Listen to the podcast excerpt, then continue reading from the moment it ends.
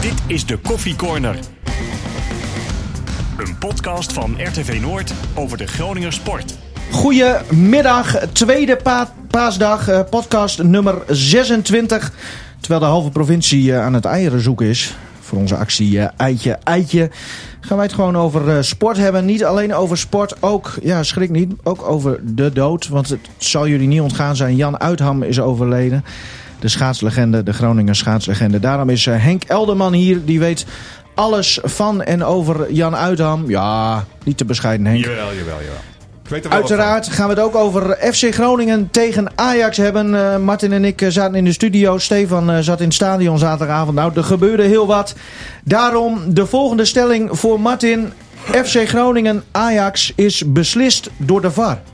Nou, ik heb het hier letterlijk staan. Ja, we hebben niet met elkaar gebeld. nee.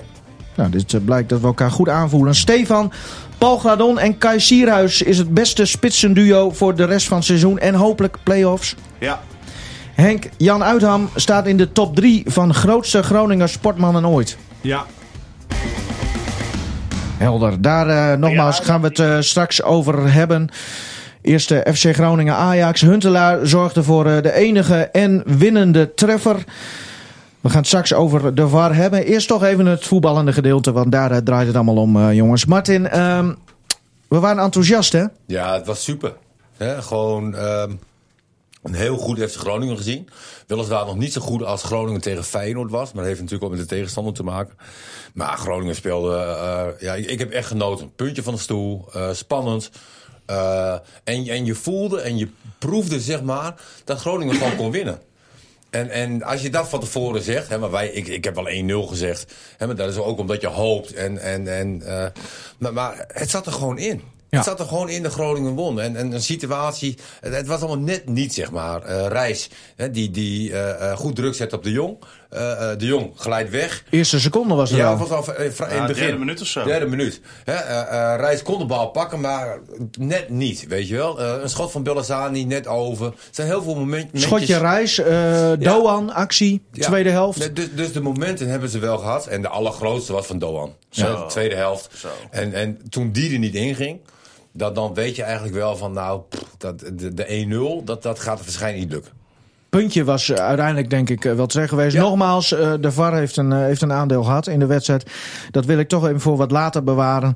Anders wordt het weer zo negatief. Ehm, ja, Paul Gladon noemde ik al. Ja. Stond samen met Sierhuis in de spits. Mahi was er weer niet bij. Eerst even Stefan, w- waarom was Mahi er niet bij? ja ziek. Weer ziek. Ja, die is eigenlijk heel vaak hè, ziek, zwak of misselijk. Heeft ehm, heel veel spierproblemen gehad, waardoor hij er vaak niet bij was. En nu ja, was hij afgelopen week eh, ziek geweest. En, Maar, ehm, want hij was eerder een keer ook ziek. En toen bleek hij in gesprek te zijn met een club uit Zwitserland of zo. Maar Ja, dat, dat, dat durf ik niet eh, mijn handen voor in het vuur te steken hoor. Dat, het, hij, hij zegt nog steeds zelf dat hij toen echt ziek was. Ja. Ja, en ik kan niet bewijzen dat hij niet was. Dus daar moeten we wel voorzichtig mee zijn, vind ik. Om Ja. eh, daar uitspraken over te doen.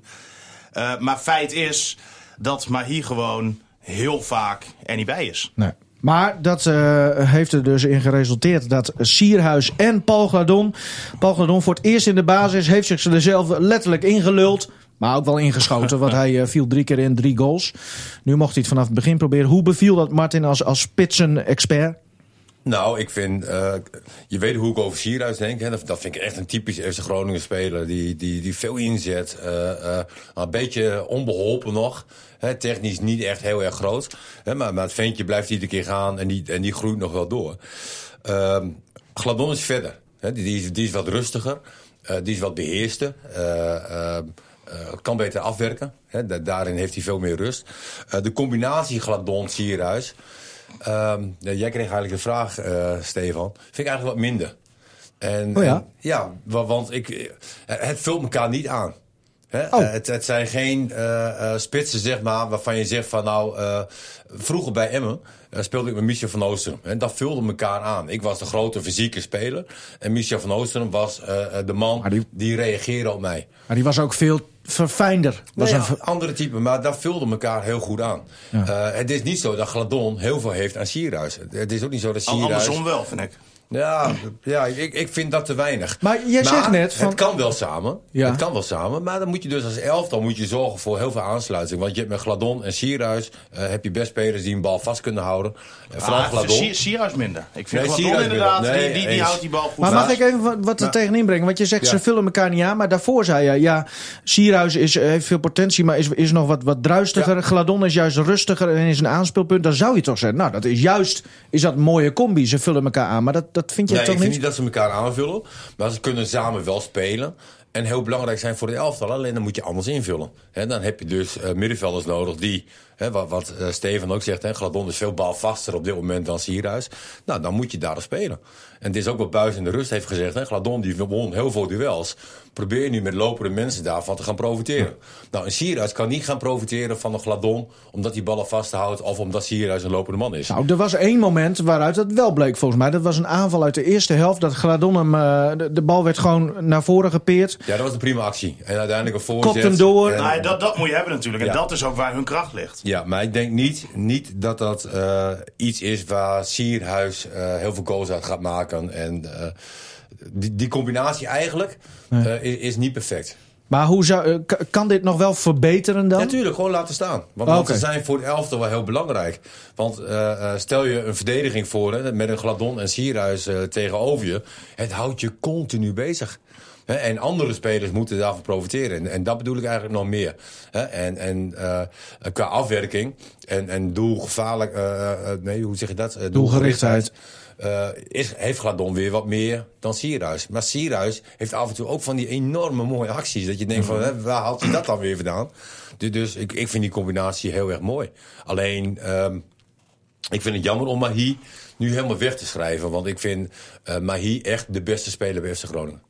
Maar is dat een echte spits? Of is het een hele goede voetballer? Nee, maar Mahi kan dus wel weer invullen wat een Gladon of een Sierhuis niet kan. Hè, dat is dus een, een fysieke speler met een, eh, een technische eh, speler. Nou, maar wat, je- wat je nu eindelijk een keertje, ziet. Hè, want maar hier heeft natuurlijk heel vaak daar ook gestaan. Ook naast Sierhuis onder Ja. andere een aantal wedstrijden gestaan. En het spelletje wat Groningen tegen Ajax speelde... proberen ze natuurlijk veel vaker te spelen. Want je zag vaak ook weer de lange bal. Ik Ja. vond wel iets minder dan eh, andere wedstrijden.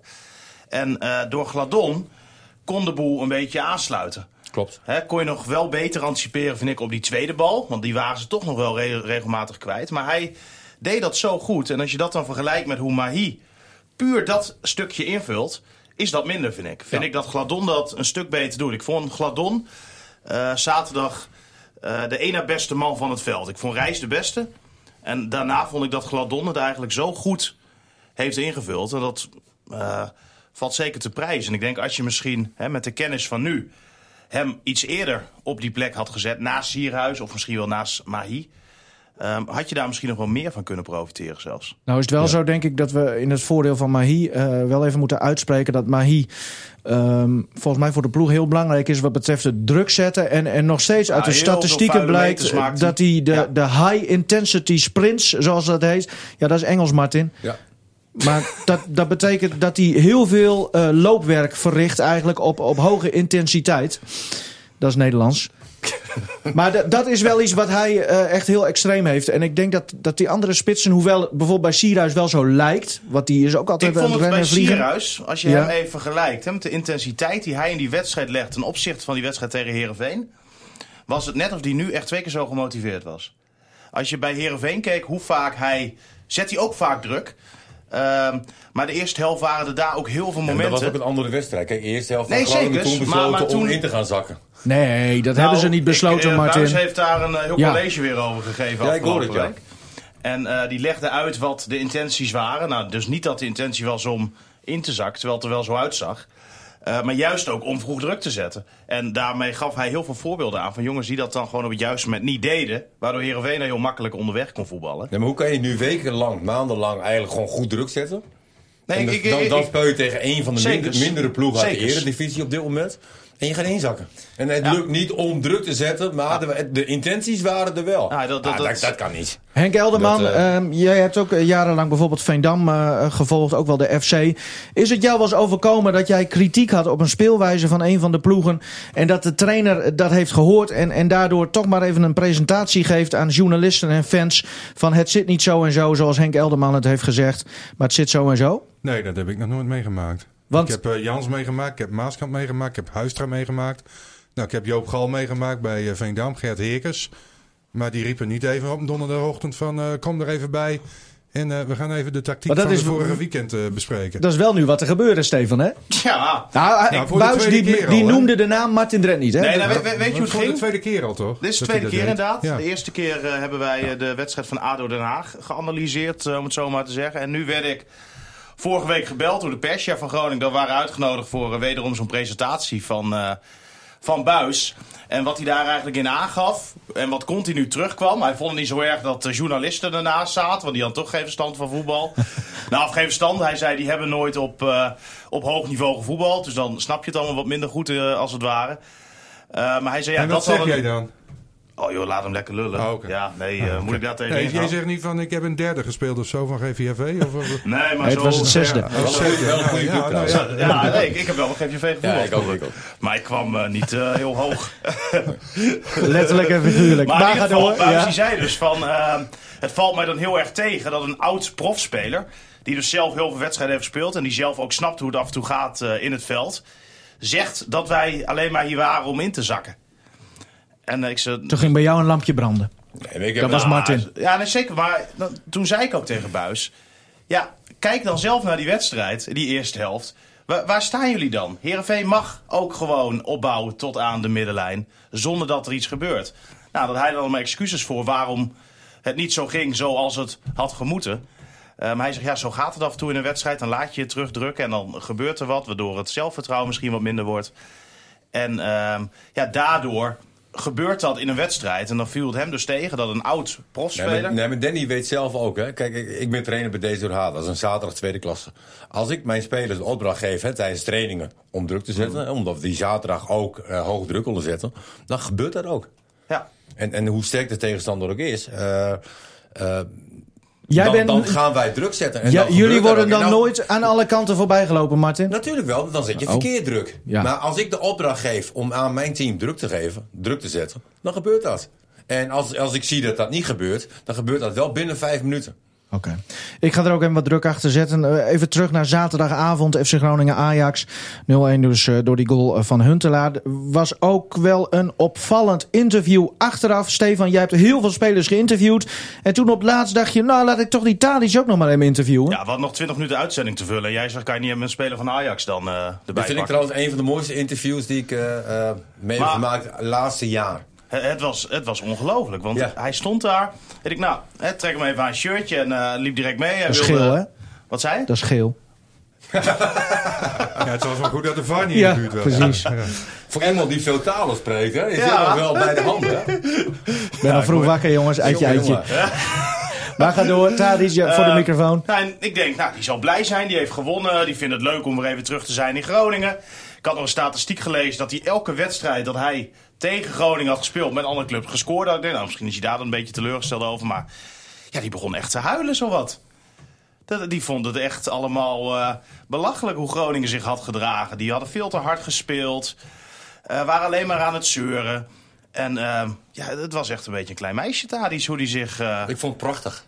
Tekent misschien wel dat hij niet tegen zijn verlies kan. En dat is Ja. dan weer mooi. Dat is een echte topsporter die, Ja. die geen Pepino geraakt heeft. En eigenlijk maandenlang eh, de ene assist en de ene goal naar de andere maakt. En dan speel je tegen je oude club. En het gaat niet goed. En dan- dan, dan moet je het even kwijt. Nou ja, heerlijk. Ja. Als hij, je- als hij jij- is wel oprecht, hè? Dat vind ik wel mooi. Kijk, als jij iets ziet wat, wat eh, eh, iets gebeurt, zeg maar, waar je geen rekenschap mee houdt. Nou, dan kan je wel eens een keer in paniek raken. Hè? ja. Ehm, toch de VAR. We zijn ik er... wil nog één, één Oh. momentje eh Oh ja, je hebt noemen. altijd je papier, dat wil je helemaal Nee, afwerken. Ja, ga ik- door. Ik, zeg het op papier, dat wil ik ook. Nee, ik vond eh, de redding van Pat. ja. Vond ik van een Zo. Veldman van, van een dusdanig hoog niveau dat ik daar van Potjandori. Hè, eh, de manier zoals hij eh, de situatie inschat, hoe snel die naar voren kwam en, en eh Veldman. 0,3 seconden was hij er. Ja, Nou, zo snel liep ik vroeger naar de bar toe. Maar hij waarschijnlijk ook. maar, maar echt, het was een, een geweldige, geweldige redding. Ja. Echt. En dat vond Veldman ook, want dat was een mooi moment, hè? Hoe, Ah, Veldman erop reageerde. Schitterend. schitterend. Dan heb je over topsporten en dan omgaan met eigenlijk de 0-1 en, en grote belangen. En dan ga je er zo mee om. Eh, chapeau. Echt. Maar ik vind Pat sowieso weer, joh. Die is weer in vorm. Ik vind hem zo goed. Nee, ik, op, op het veld, hè, bedoel ik. Ja. Ehm, als je ziet hoe belangrijk hij voor de ploeg is. Hoe vaak Groningen al de nul heeft gehouden na de winterstop. Ze hebben pas negen doelpunten tegen na Hmm. de winterstop. Ja, dat is ook, denk ik, op het konto van Pat toe te Hij schrijven. heeft echt weer het niveau van het seizoen ervoor. Ja. Eh, Stefan, pak het papiertje van Martin Emma, want dan kunnen we verder. Ehm, de Er VAR. bijna Oké, niks meer op. klasse. De VAR. Ah, dat vind ik een beetje jammer, jongens. De- Nou, de- even één ding over Pat dan. Oh, Ja. Henk, ja. Hij heeft natuurlijk een hele goede pep talk gehad hè, afgelopen maandag bij eh, Jack van Gelder.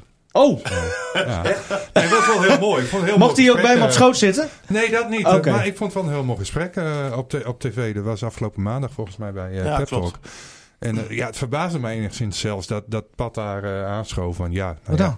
ja, wie is nou per Sergio Pat? Ja, dat is wel Ja, een van nee, de beste nee, keepers nee, van Nederland. Maar, het is nu ineens een, een- een- wel een jongen met een verhaal. En dat, Ja. dat bedoel Ja. ik eigenlijk te zeggen. Ik vond dat hij daar wel Kijk, goed mee eh, omging. eh, normaal gesproken zou een speler van Groningen nooit bij zo'n programma aan tafel zitten. Hè, dat is wat ik bedoel. En nu zat hij er wel. Want A, hij speelt weer goed. En B, nou ja, hij heeft een verhaal. Ja, en, maar hij, en heeft natuurlijk ook in het Nederlands elftal gespeeld. Ja, dat, dat is nou, natuurlijk gespeeld ook- nog niet, maar in ieder geval geselecteerd Ja, af en toe. Ja, precies. En eh, nou ja, als hij zo doorzet, inderdaad, ook zo'n redding eh, op, op die inzet Ja. van eh, Veldman, ja, dan, dan, dan kom je wel weer in beeld, eh, denk ik. Ja. Bij, eh, bij Koeman. Oké, mogen we dan nu echt beginnen met de VAR? Ja, graag. Ehm, de goal. Die eerst maar even erbij pakken. Ja. Ehm, ik vond uiteindelijk wel, snapte ik dat hij hem door liet gaan. Ik niet. Nee, want Ja, ik hoorde als uitleg van ja, hij moet toch met zijn arm, moet hij ergens naartoe. dan heb je het Eh. over Huntelaar. Ja. En ehm, ja, ik, ik vond het absoluut een overtreding. Waarbij ik ook wel zag hè, dat, dat handwerkers zich ook wel... kijk, een voetballer valt nu eenmaal sneller dan een kickbokser, zeg maar. Hè, een kickbokser zou in zo'n situatie niet vallen. Maar als dit andersom gebeurt, want zo, zo redeneer ik... dan eh, eh, was hij wel afgekeurd. En Ja. dat weet ik 100% zeker. En, en daar bal ik van. Hè. We hebben Luigen vroeger, hè, daar kon je heel veel kritiek op hebben. Ehm, maar die was wel consequent. Ja. Die- dus die eh, behandelde beide ploegen op zijn manier. Zoals hij dacht dat het Ja. goed was. En zat hij bij de ene ploeg fout, zat hij bij de andere ploeg ook fout. Maar hij was wel gewoon dat je denkt van oké. En, en dat, dat, dat, dat is op dit moment met de VAR is dat niet zo. Hè, ehm, eh, vraag heel veel mensen na over die situatie. En, en er zijn heel veel verschillende eh, gedachten daarover. Maar als Van er- mensen die ook gevoetbald hebben, en mensen die niet gevoetbald hebben. Als er verdedigers waren die vroeger zo ingrepen op jou zoals Handwerker dat deed, dan had jij er denk ik wel 60 in een seizoen gescoord. Ja. Hij ging, met andere woorden, hij ging er ook wel een beetje als een klein meisje in. Nee, klopt. Klopt. Maar, het gaat, maar daar gaat het mij eigenlijk niet eens om. Oh. Hè, het is in ieder geval de hand van Huntelaar. Dat is al genoeg om eh, eh, eh, de boel af te keuren. Maar Handwerker begon hè, met zijn hand. Wel heel licht. Maar Handwerker begon met voelen waar hij was. Die had de arm echt wel om, om eh, eh, Huntelaar heen. Ja, maar je weet toch zelf ook dat scheidsrechters eh, ehm, eh, daar veel makkelijker mee omgaan. En, en verdedigers nog meer beschermen dan aanvallers. Dat is eigenlijk altijd al zo. Maar beschuldig jij de VAR nu van, van het hebben van een Ajax-bril? Nou, ik, ik heb vorige week heb ik ehm, eh, ook een wedstrijd gezien. Ajax tegen Excelsior. Is dus een ja. Ja, uh, Ja. Excelsior. Die, eh, wat was het, 6-1 of Met zo? de Ja, licht. 6-2. 6-2. Bij, bij 3-1 krijgt Ajax op een gegeven moment een overtreding op de licht. Was Ja, het. ja. Een overtreding. Het was eh Ja, lachwekkend. voet tegen voet was het Voet eigenlijk. tegen voet. Ja. Allebei eh, eh, komen ze met een voet omhoog. Eh, ik weet nog niet eens of ze elkaar raken. Kolwijk was dat toch? Ja. En, en, en Ajax krijgt een panel. Het gaat nergens om. Het gaat van 3-1 naar 4-1. Maar, maar Nu ging dat, het wel ergens om. Dat zou toch nergens... ne- andersom zou het dan niet gebeuren. Excelsior had toch nooit een panel gekregen als, eh, als, als het andersom was. En, en daar baal ik gewoon van. Hè, want een Ajax, een Feyenoord en een PSV... eh, die hebben echt voordeel. Hoor. En er is geen Calimero gepraat, hè? Dit is wel Calimero gepraat. Ja, nee, maar ja. Want dat is niet eerlijk. Hij is groot en ik is klein. Dat is niet eerlijk. hoor. Nee, nee, maar toch. Ja, geweldig. gast. Voor de luisteraars, dat was ook Martin, hoor. Nee, maar dat is wel Calimero gedrag. Ja. Alleen, eh, wel Calimero gedrag wa- wa- waarin ik gelijk heb. Terecht waarin Calimero gelijk gedrag, heeft. Ja. Oké, eh, staat je goed trouwens die eierdop. Ja, Ehm, maar Martin, jij maakte je toch ook altijd breed als spits? Ik, Ja. ik, ik zie dit als een soort van ja, breed maken van Huntelaar. En niet zozeer Nou, het was wel, slaan wel, degelijk de arm die hij mee, eh, die hij echt gebruikte om. Nou, over breed maken en spitsen en Huntelaar gesproken. Hij kreeg twee keer geel. De eerste keer was voor, voor een... eh, hij zag er goed uit trouwens. 36 jaar, trok hij zijn shirt uit. Ja. Wat een lichaam. Ja, Toch? Ja, oh, als je dagelijks traint, dan ja. Oh. Ja, ik, ik kan me voorstellen dat, dat jij dat zegt. Ja. Ah, wij denken daar anders over. Kijk even naar links, jong. Ach, jongen. Maar de eerste keer was geel dus omdat hij shirt uittrok. Nou, Ja. prima, weet je. Was niet slim, vond hij zelf ook. Maar eh, emoties overkwamen hem. Maar hier had de En- VAR toch moeten ingrijpen? Dit, dit was wel Voor wat? gewoon... Voor het shirt? Nee, Oh. bij, die, bij die elleboog. Nou ja. Eh, want hij kreeg geel en daarna rood. Eh, hij had ehm, naar de kant eh, geroepen moeten worden. Door, volgens mij was het uh, Makkeli die in, de, in zij zat. Ehm, want dit was een directe rode kaart. En dan ik ook. denk ik dat Huntelaar niet meer gespeeld had dit seizoen. Nee. En nu is het omdat het slechts zijn tweede geel Ja, als was. hij één keer geschorst Eén zet hij naast één twee potjes die ik ga me stevig mee. Want ik vind, eh, het was eh, lachwekkend dat Huntelaar een tweede gele kaart kreeg. Dat was echt lachwekkend. Nou, dan nog een derde situatie. Talio Fico, die, eh, die kreeg de bal tegen zijn arm. Ja. En dat was geen schot op doel waarbij hij dan toevallig door zijn arm wordt geraakt. Dat zie je nog wel eens. Daar kunnen spelers vaak niks aan doen. Helemaal niet als ze hun, hand zo, of hun armen zo voor hun lichaam hebben of een beetje ernaast. Maar eh, ik kreeg een appje van iemand die zei... Ja, hij stond er als een vogelverschrikker. Zo wijd stond hij met zijn armen. Nou, dat was een beetje overdreven. Maar de bal die stuitte er gewoon. Die werd ingebracht, stuitte op de grond... en kwam toen na die stuit tegen zijn arm. Ja, dat is toch hens? ja, duidelijker kan niet. Dus dan hebben we... Alleen als het handwerker was geweest, was het wel een panel. Ja. Handwerker met de hand. Ja, ik, Nee, nee, nee, zo niet. Maar- ja, ik vond het ook een penalty. Ja, dus ja. Ja. Nou ja, en, je, nu noem je dus al drie ja, situaties. waarvan op. die ene, die goal, daar hebben we zelfs hier onderling nog wel wat discussie over. Nou, ik vind die goal die- vond ik niet zo erg hoor. nee, nou, ik, Ik dus vond ook dat niet. niet een maar 100% goed, duidelijke overtreding. En alleen dan mag de VAR ook ingrijpen. Maar die andere twee situaties. En dan heb je nog. Gaan we even door met ons Calimero-gedrag. viel me ook op. Bel Hassani werd gewisseld. Nou, ik weet Ja. niet waarom, want het stond 0-0. En hij, hij liep heel langzaam la- naar de kant. Nee, Misschien was hij. Beltrami liep eerst weg. Zo ver mogelijk Ja, maar dat weg. moest ook. Van Buis toch? Die, die Ja, zei... nee, tuurlijk. Maar dat is toch raar, tijdrekken, als je met 0-0 staat? Ja, maar Nee, zo op dat moment was het wel even lekker hoor. Oh. Maar Nee, op dat- je, dat je was moet, die, die spelers van Groningen die gaven zoveel. Ja, heel het, veel het kracht. tempo lag zo hoog. Er Ja, werd zo hard gerend. En als je dan even op zo'n moment een minuutje kan pakken. Even met z'n allen weer kan bijpuffen. Nou. Plus de Ehm, frustratie bij de tegenstander. Hè? Want de tegenstander moest echt winnen. Nou, oké, ga ik dan in mee eh, met Nee, maar jullie. je hebt bedoel van die scheids, die gaat naar Bellazzani toe. Van Ja, jongen, schiet even ja, die, die neemt Ja. hem echt zo mee. die legt wat, een wat arm ik om dan hem wel heen. weer zorgwekkend Maar vind. mag ik het er nog even afmaken? Maar toen Ziyech de wissel, to- toen stond het volgens mij stond het al 1-0 Ja, ja, Ja, toen was het 1-0. of 0-1. Niks, gebeurde er niks. Ik, ik, ik heb Hegelaar helemaal niet gezien. Waar stond hij? Ja. En die mocht Nee, gewoon... da- Ja, waarschijnlijk aan het zwaaien naar het uitvak of zo. Ah. Ja, maar daarom heb ik ook gewoon echt een klote gevoel overgehouden aan deze wedstrijd. Ja. Gewoon van, hè, als het ooit had gekund tegen zo'n goede ploeg, Mhm. hè, dan, dan was het nu. Eh, gelijkspel was zeker eh, verdiend geweest. Gelijkspelletje, toch? Ja, Geen winst. Nee, geen winst. Gelijkspelletje was echt verdiend geweest. En dan toch door een goal waarvan ik denk van... nou, Potjandori, een hensbal, een, een hele zware overtreding... waar uiteindelijk wel rood is. En, en ook geen voordeel le- opleveren voor Groningen. Of hij nou vijf wedstrijden krijgt of één. Maar gewoon alles bij elkaar vind ik dat FC Groningen dit eigenlijk niet verdiende. Helaas dus eh, geen enkel punt. Eh, ze hadden het punt goed kunnen gebruiken in de strijd om de, de play-offs. Ja. Ehm, want ja, dat is ook nog niet zomaar geregeld, hè, dat ze die play-offs gaan, Nou eh, ja, gaan halen. nog drie wedstrijden. Je staat twee punten achter op Willem II. En ehm, als Willem II die bekerfinale wint, ja, dan is het wel heel erg moeilijk natuurlijk. Want dan is die plek 8 geeft geen recht meer op play-offs. Dus dat wordt echt straks juichen voor Ajax als jij eh, voor FC Groningen bent. Want als Ajax hem wint... Nou ja, daar hebben we het toch afgelopen week ook gedaan. ja, nee, eh, natuurlijk. dus, eh, natuurlijk. Is- weet hoe dat moet. Behalve dan zaterdagavond. Maar, eh, nou, Ehm, ik zag ook veel mensen Maar nog ja, thuis op de nog, eh, hoor, goed. nog eh, twee punten verschil. En dan moet je dus naar eh, Zwolle toe. eh, komende woensdag al, over twee dagen. Ehm, mis je reis, vanwege schorsing. Ehm, dat wordt niet zo makkelijk hoor. Zwolle nu een, eh, een, een flink pak slaag gehad van Vitesse. Die zullen er ook op gebrand zijn om, eh, Weer dat kunstgras om, om wat te laten zien. Nou, en op dat kunstgras inderdaad. Ja, je hebt daar nog niet zomaar Hè, de gewonnen. VAR heb je weer. De VAR, ja. Maar wat ik, Ik zou in gaan zakken. wat ik nog. eh, wat, wat, wat ik wel nog steeds nu hè, heel, heel bijzonder vind. Dat, dan vraag je ook na die wedstrijd tegen Ajax. aan die spelers en een buis. Nou, nog, nog drie potjes. Ehm, ja, wat is nou het doel? En dan snap ik niet dat ze niet gewoon zeggen: wij gaan alles op alles zetten om die play-offs te halen. Maar nog steeds, ja, eerst maar naar Zwolle en dan zien we wel. Ja. Ik denk, joh, toon eens wat ambitie. Ja, maar misschien zijn ze wel op hun vingers getikt dat ze niet zoveel mogen, mogen zeggen. Door Ja, wie? Ik heb geen idee. Ja, Maar eh, misschien dat voor wel door de woordvoerder van, eh, van Jeltema, Nederland. Dit is... dit slaat toch helemaal nergens Nee, een grapje. Rustig. hey, Nederland stond in de belangstelling hè, van een andere eredivisieclub. Het is ook... Stef.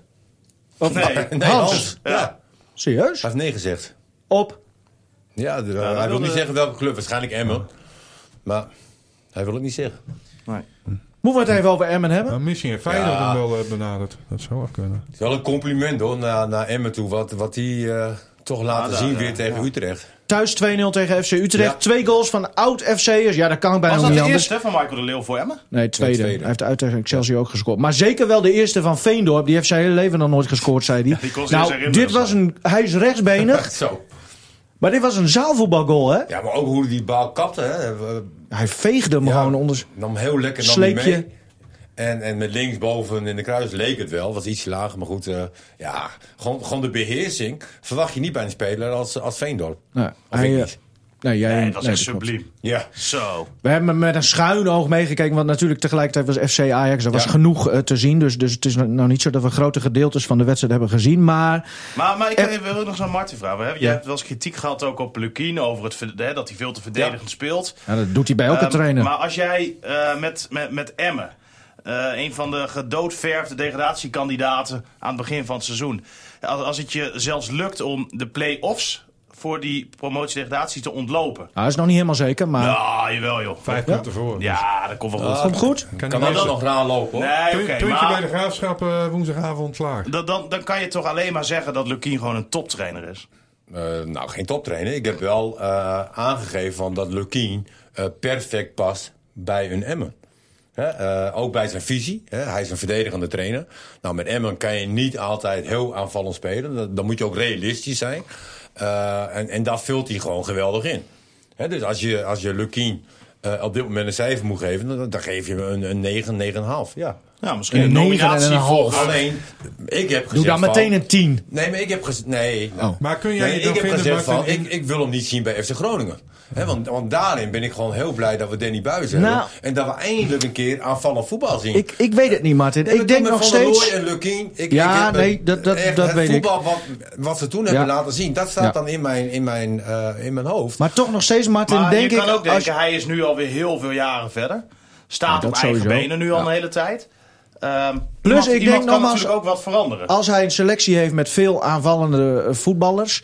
dat hij de- eh, ook daar de aanpassingen aan doet. Dus Nee, dat het- kan, kan. Eh, op dit moment verdient hij gewoon één groot compliment. Want, en, en dat zeg ik trouwens even hierom, want als je kijkt naar eh, de ploegen onderin, als je kijkt naar het voetballende gedeelte, hè, als je ziet de spelpatronen, de driehoekjes, de, eh, het Nee, voetbal super. zit erin. Dus het is niet dat er alleen maar ballen nee, naar voren nee, worden nee. Als je dit vergelijkt met Nee, NAC bijvoorbeeld. Nee, het gaat mij meer om de situatie, zeg maar, dat eh Emmen eh, dan met vijf verdedigers speelt tegen de tegenstander. Volgens mij was dat. Heracles. Maar nu niet. En dan krijgen ze een kwartier voor tijd, eh, eh, krijgt de tegenstander een rode kaart. Of vlak voor tijd, vlak voor rust, krijgt de tegenstander een rode kaart. En dan duurt het nog een kwartier lang voordat hij pas aanpassingen doet. Dan denk ik van, waarom speel je nu in hemelsnaam nog steeds met vijf verdedigers? En dat bedoel ik dan. Ja. Hè? Maar los van het feit eh, wat Lukien allemaal gedaan heeft bij Emmen. Hè?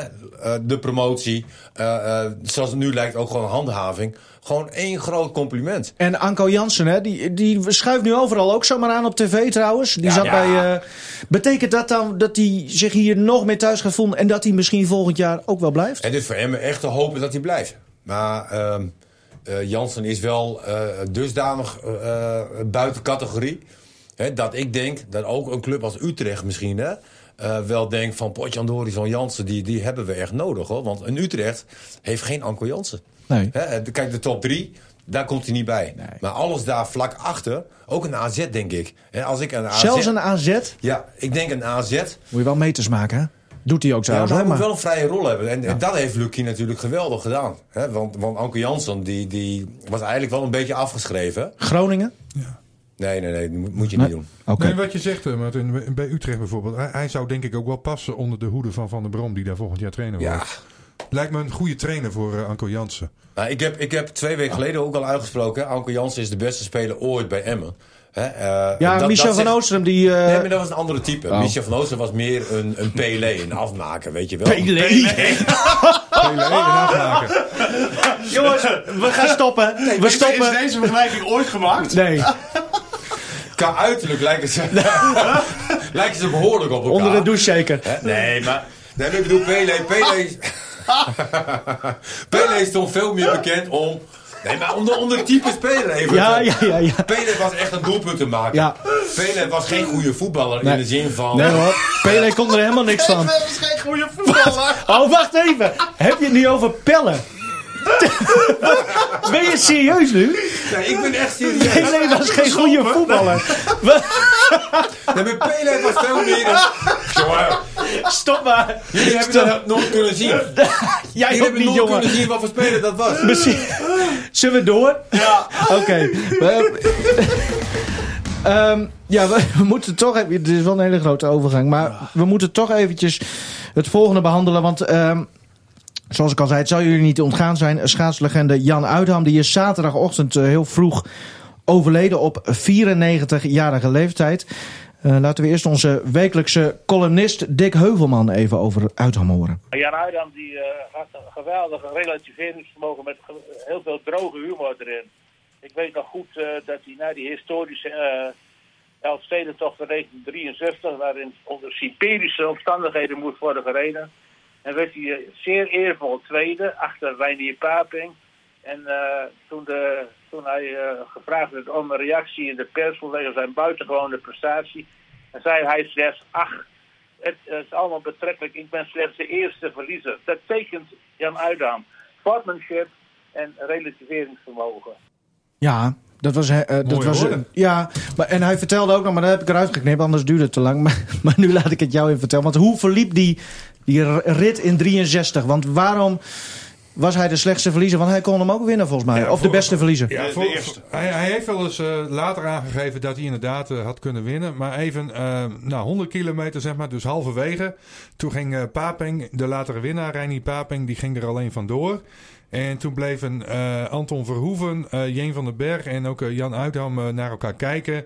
En ja, wat gaan we doen? En wat later bleek is dat Jeen van den Berg, die was sneeuwblind geworden door ja, die sneeuwstorm en door dat ijs. En dat, nou ja, in ieder geval dan zie je op een gegeven moment helemaal niks meer. Die was tegen een brug geschaatst. En toen heeft Jan Uitham gezegd van... Ik blijf bij je en ik zorg dat je in Leeuwarden komt. En daardoor kon Paping zo ver uitlopen. Ik meen iets van 22 minuten. En Jan heeft dan wel in de laatste kilometers toch nog eh, nou, naar de tweede plek eh, geschaatst. Hij had nog een minuut voorsprong op eh Jeen van den Berg, die derde werd. Maar zo is het dus in het kort. Was dat eh, dan inderdaad gegaan. typisch Jan dat was Uitham? de grote geste van eh, Jan Uitham. Het was dus Maar Jeen geen, van den Berg was ook een goede vriend van hem.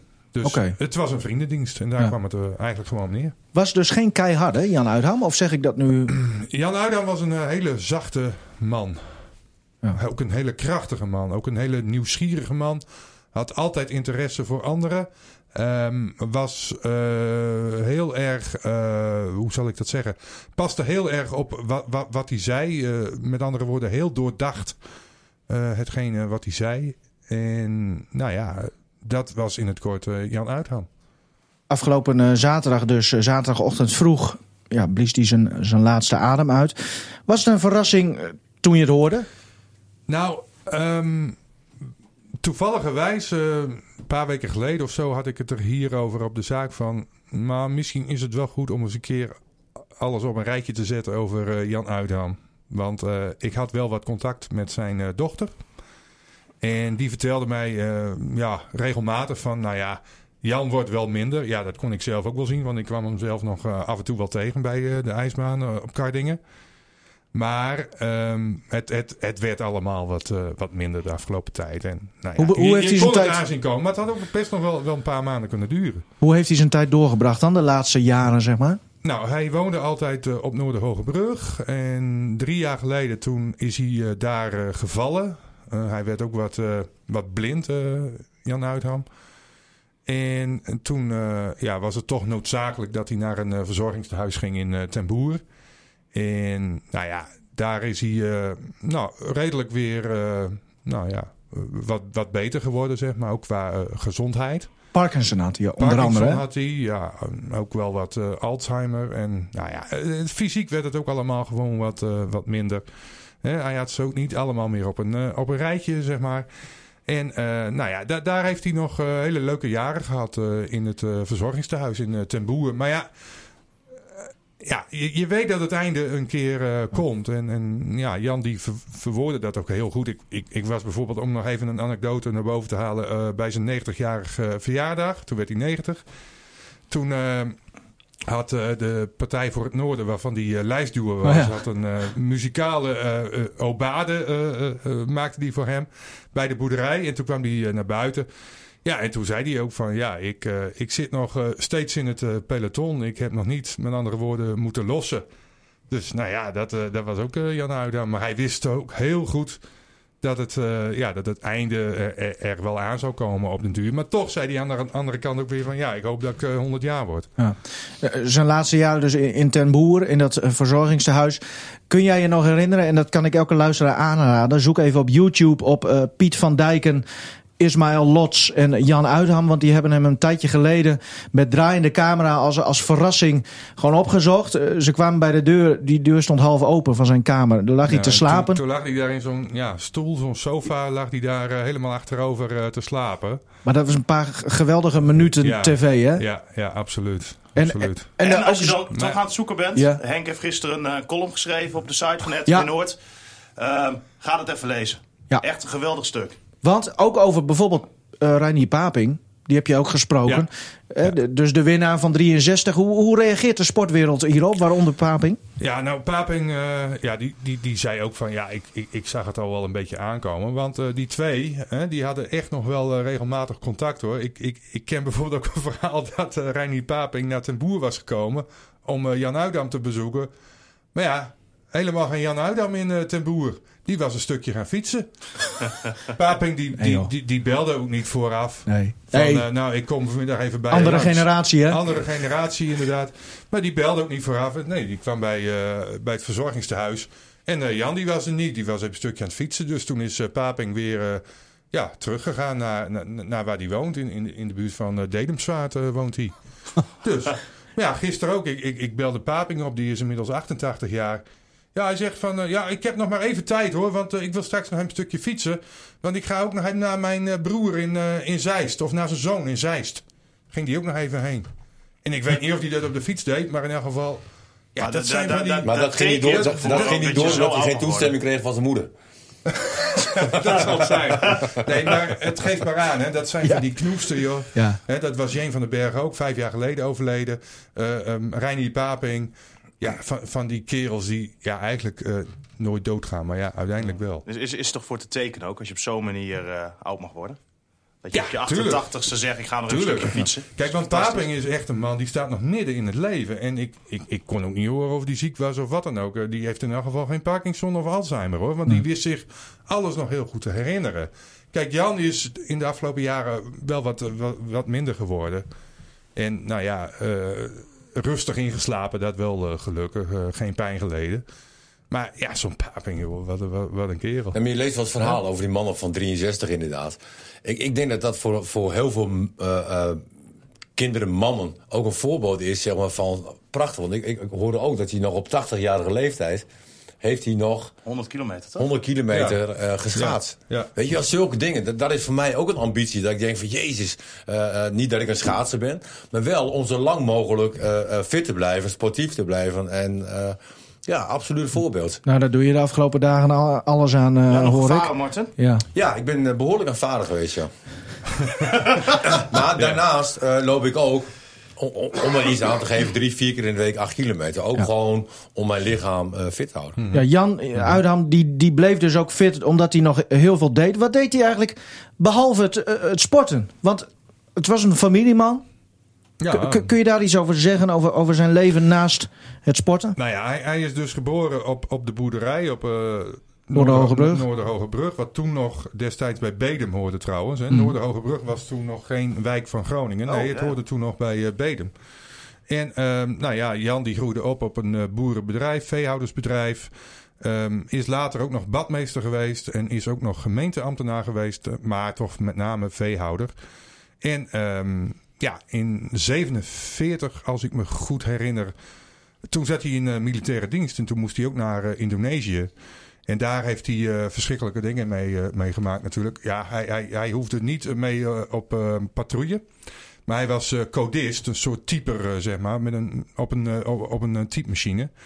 Maar daar kreeg hij bijvoorbeeld ook te horen dat zijn vader was verongelukt eh, bij een uh, auto-ongeluk.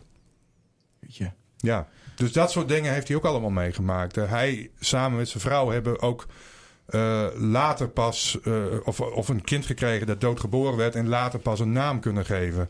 Um, ja, zijn vrouw is ook heel raar uh, aan het einde van haar leven gekomen. En noem het allemaal maar op. Jan is ook iemand die ja, veel ellende heeft, heeft meegemaakt, maar zich ja, toch altijd heel sterk toonde. Ja, ik, ja Ondanks nogmaals, als je dat, dat, dat filmpje met Piet van Dijken en Ismaël Lots uh, opzoekt, daar zit wel een, een, een oude broze man, maar aan de andere kant, daar zit ook een machtige kerel. Met geweldige beide handen teksten ook. Ja. Echt humor, wat jij al Ja. zei. Ja. Ja, ga, ga dat helemaal zal ik opzoeken. nooit vergeten. Uh, wat hij vaak zei.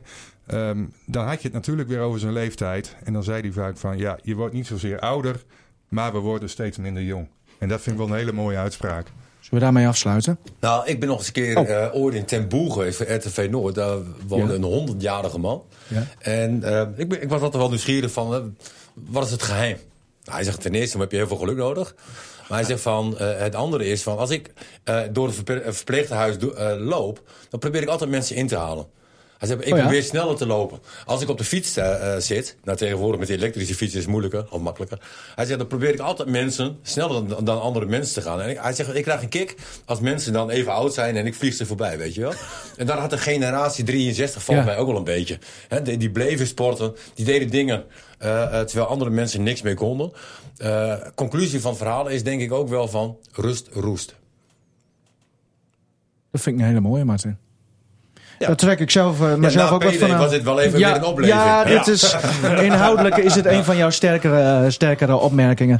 Eh, Van PD leg ik nog wel eens een keer uit aan jullie hoor. Ja, nou, dit- dat doen we niet in deze uitzending. Henk, ik, ik wil jou sowieso wel bedanken voor, voor dit mooie verhaal over, over Jan Uydam. Want ik denk dat het meer dan terecht is dat wij hem hebben, toch hebben besproken Ja, hier. dat vroeg eh, jij ook- aan het begin. Ja. hè? Oh ja, die De stelling. Top, ja, top drie. Top 3 Dat Groninger. vergeet hij altijd. Maar wat vinden Ja. jullie? Staat hij bovenaan of slechts in de top 3? Eh, Ik vind dat moeilijk. Maar als jij zo het, bijvoorbeeld het, eh, het le- de rest van zijn leven vertelt. Hè, met, met wat hij allemaal heeft meegemaakt. Ja, bijvoorbeeld Arjen Robben. Ja, dat vind ik dan weer een rare vergelijking. Die heeft natuurlijk heel veel bereikt. Maar heeft een, volgens mij van de buitenkant relatief makkelijk leven gehad. Zeg ik nu even onder aanhalingstekens. Dus ja, daar heb ik hier ook wel heel veel respect voor. Als ik dit zo allemaal van jou hoor. Ja, maar je zult nog meer voorbeeld hebben aan, aan iemand die nu hè, 94 geworden is, zijn hele leven eh, heel lang door heeft gesport. Een voorbeeld is geweest voor iedereen. Dat is Arjen Robben ook, hoor, laat het duidelijk zijn. Ja, zijn uitdaging spreekt natuurlijk wel wat meer aan, vind ik, dan Arjen Robben. Oké. Maar dat Maar heeft ik ook denk met dat- onze generatie te Ik, maken. ik, ik denk gewoon dat die, dat die Elfstedentocht van drie- 1963 Ja. eh, heel erg veel mensen aanspreekt. Ja. En dat daardoor juist zeg Klopt. maar, Jan Uitam een held werd. Ondanks dat hij tweede werd. Want ja, als je tweede wordt, dan tel je vaak niet mee. Maar Jan heeft bewezen dat hij wel kan meetellen maar als ook op de, door de manier waarop hij natuurlijk tweede is geworden. Dan ben je eigenlijk een winnaar. Ja, dan ben je eigenlijk een held. Dus een ja op de stelling. Een ja op de stelling. Maar of hij nummer 1 staat, Misschien moeten, we dat, misschien moeten we het ook niet willen vergelijken. Maar moeten we hem gewoon eh, eren eh, zoals hij, Gewoon een man om, zoals om hij was. te vergeten. Zo is het helemaal. Het zit erop. FC Groningen eh, speelt woensdag uit tegen PEC Zwolle. Dona speelt donderdag thuis tegen Leiden. En Lycurgus speelt de tweede finale wedstrijd komende zondag uit bij Orion. Gisteren werd met eh, 3-1 gewonnen. Check deze podcast via Spotify, iTunes. Tune in radio, alles kan. En via rtvnoord.nl slash podcast, waar je ook onze andere podcasts kan vinden. Zoals eh, bijvoorbeeld Turbulente Tijden. Goed paasweekend nog eh, van wat er voor over is, eh, mannen. Ja, maar. Ja, uit. Dag.